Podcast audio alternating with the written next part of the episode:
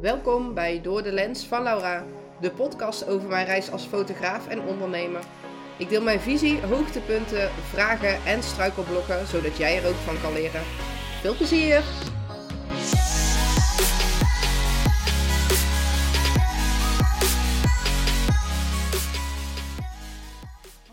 Welkom bij weer een nieuwe aflevering van Door de Lens van Laura. Um, deze keer staan vijf tips voor een newborn shoot tijdens donkere dagen centraal. Um, nou, hoe kom ik eigenlijk bij dit onderwerp? Onlangs had ik dus de eerste donkere dag uh, van dit seizoen. En ik had op dat moment een newborn shoot die ik ook echt niet kon verzetten. Het was een uh, last minute newborn shoot. Um, en mijn agenda was verder echt veel te vol. En toen ik naar buiten keek was het dus echt super donker en zwaar bewolkt en regenachtig. Dus daar had ik eigenlijk gewoon mee te dealen. Uh, ook krijg ik heel veel vragen tijdens meeloopsessies over donkere dagen en over ruis en over hoe ik dat dan doe tijdens een newborn shoot. Dus dacht ik, dit is het ideale onderwerp om een nieuwe aflevering over te maken. En ik geef je dus heel graag vijf tips mee voor een newborn shoot tijdens donkere dagen. De eerste tip die ik je wil meegeven is: voorkomen is beter dan genezen. Um, wat bedoel ik daarmee? Probeer het in ieder geval te voorkomen dat je tijdens een donkere dag in bijvoorbeeld een kleine ruimte met een klein raam moet gaan shooten. Nou, wat kun je dan bijvoorbeeld doen als het gaat om voorkomen? Uh, denk eraan bijvoorbeeld als het echt heel donker is en je weet dat ze een donkere kamer hebben, dan zou je dus eventueel je newborn shoot kunnen verzetten. Stel jij weet de volgende dag is het minder bewolkt of dan ziet het weer er wat beter uit, dan kun je in dat geval waarschijnlijk beter een newborn shoot verzetten. Um, wat er ook bij hoort is, wat heel veel fotografen ook doen, vraag foto's van het huis. Denk aan bijvoorbeeld de slaapkamer, een woonkamer, maar soms kan ook de babykamer of zolder de beste plek zijn voor je shoot. En dat was ook wel weer meteen een note to myself. Um, laatst had ik namelijk een lieve collega die voor mij een shoot had overgenomen. En ik was eigenlijk nog niet zo ver in het proces met die klant um, dat ik om foto's had gevraagd. Op dat moment speelde de privé gewoon ook te veel. Dus um, had ik nog niet om foto's gevraagd. Uh, en die bleken een hele uh, donkere slaapkamer te hebben met weinig licht, weinig uh, mogelijkheden om eromheen te bewegen. Kijk, en als je dat van tevoren weet, hè, je hebt je klant bijvoorbeeld om foto's gevraagd van het huis en je ziet van, goh, op een donkere dag gaat dat moeilijk worden, dan weet je dus dat je het beste kunt gaan verzetten. Dus probeer bijvoorbeeld foto's te vragen of zeg gewoon eerlijk tegen je klant, goh, ik ben een daglichtfotograaf en ik ben echt afhankelijk van het licht. Ik zie dat jullie uh, weinig ramen hebben. Hebben jullie misschien nog een andere ruimte met meer ramen? Uh, of je zegt dan gewoon eerlijk, goh, ik zal het toch moeten verzetten. Dus de eerste tip is echt voorkomen is beter dan genezen. De tweede tip die ik je mee wil geven is ken je camera. Um, zoals ik in de inleiding al zei, had ik onlangs dus zelf een shoot die echt niet verzet kon worden door mijn eigen agenda. Um, en ik ken mijn camera gewoon echt heel erg goed. Ik weet precies hoe ik mijn camera zo kan gebruiken. En eigenlijk tot echt de uiterste randjes, waarbij het nog net goed gaat, zeg maar. Um, dus waarbij ik echt gegarandeerd nog wel kwalitatief goede foto's kan leveren. Maar dat ik wel echt zeg maar de randjes uh, van wat mogelijk is op ga zoeken. Nu heb ik zelf een vrij goede camera, namelijk een Sony A7 III. Uh, al een tijdje staat er wel echt een betere versie in verband met uh, video's, in ieder geval op mijn wensenlijstje. Maar goed, de Sony A7 III is gewoon echt een topcamera. Um, en ik weet gewoon precies hoe ik die tot het uiterste kan drijven. Even een voorbeeld van die donkere shoot die ik laatst had. Ik heb even de instellingen opgezocht. Um, mijn sluitertijd uh, gaat normaal uh, bij gezinnen met kinderen bijvoorbeeld niet lager dan 1 400ste seconde. Als het echt rondrennende kinderen zijn. Maar met bijvoorbeeld een slapende baby ga ik ongeveer naar 1 250ste seconde.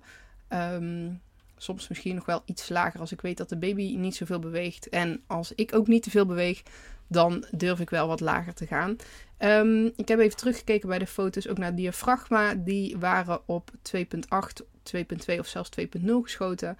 Um, ik gebruik dan ook de Sigma 35 mm lens die zelfs diafragma 1.8 aan kan. Alleen ja, dat durf ik dan weer net niet aan als het gaat om scherpte diepte, dat er niet te veel onscherp is. Mijn ISO pas ik dan gewoon vervolgens aan op wat nodig is. Dus als ik die 1 250ste seconde bijvoorbeeld met slapende baby heb gepakt en mijn diafragma in ieder geval bijvoorbeeld zo laag mogelijk, uh, dan kies ik mijn ISO gewoon op basis van wat mijn lichtmetertje eigenlijk aangeeft. Um, een voorbeeld hoe mijn ISO, hoe hoog die stond, is 1600 of zelfs uh, 2000. Dus dat was best wel hoog. Alleen ik ken mijn camera gewoon heel goed en ik weet ehm, dat als mijn foto in eerste instantie gewoon goed belicht is, hij eigenlijk niet zoveel ruis geeft. Ehm, als je je ISO bijvoorbeeld veel te laag zet en je in de nabewerking heel erg je belichting omhoog moet gaan gooien, dan krijg je vaak juist alleen nog maar meer ruis. Dus ik kies liever voor een hogere ISO, omdat ik weet dat mijn camera dat aan kan. Dus ga met je camera echt eens experimenteren van hoe ver kan ik met deze camera gaan op donkere dagen.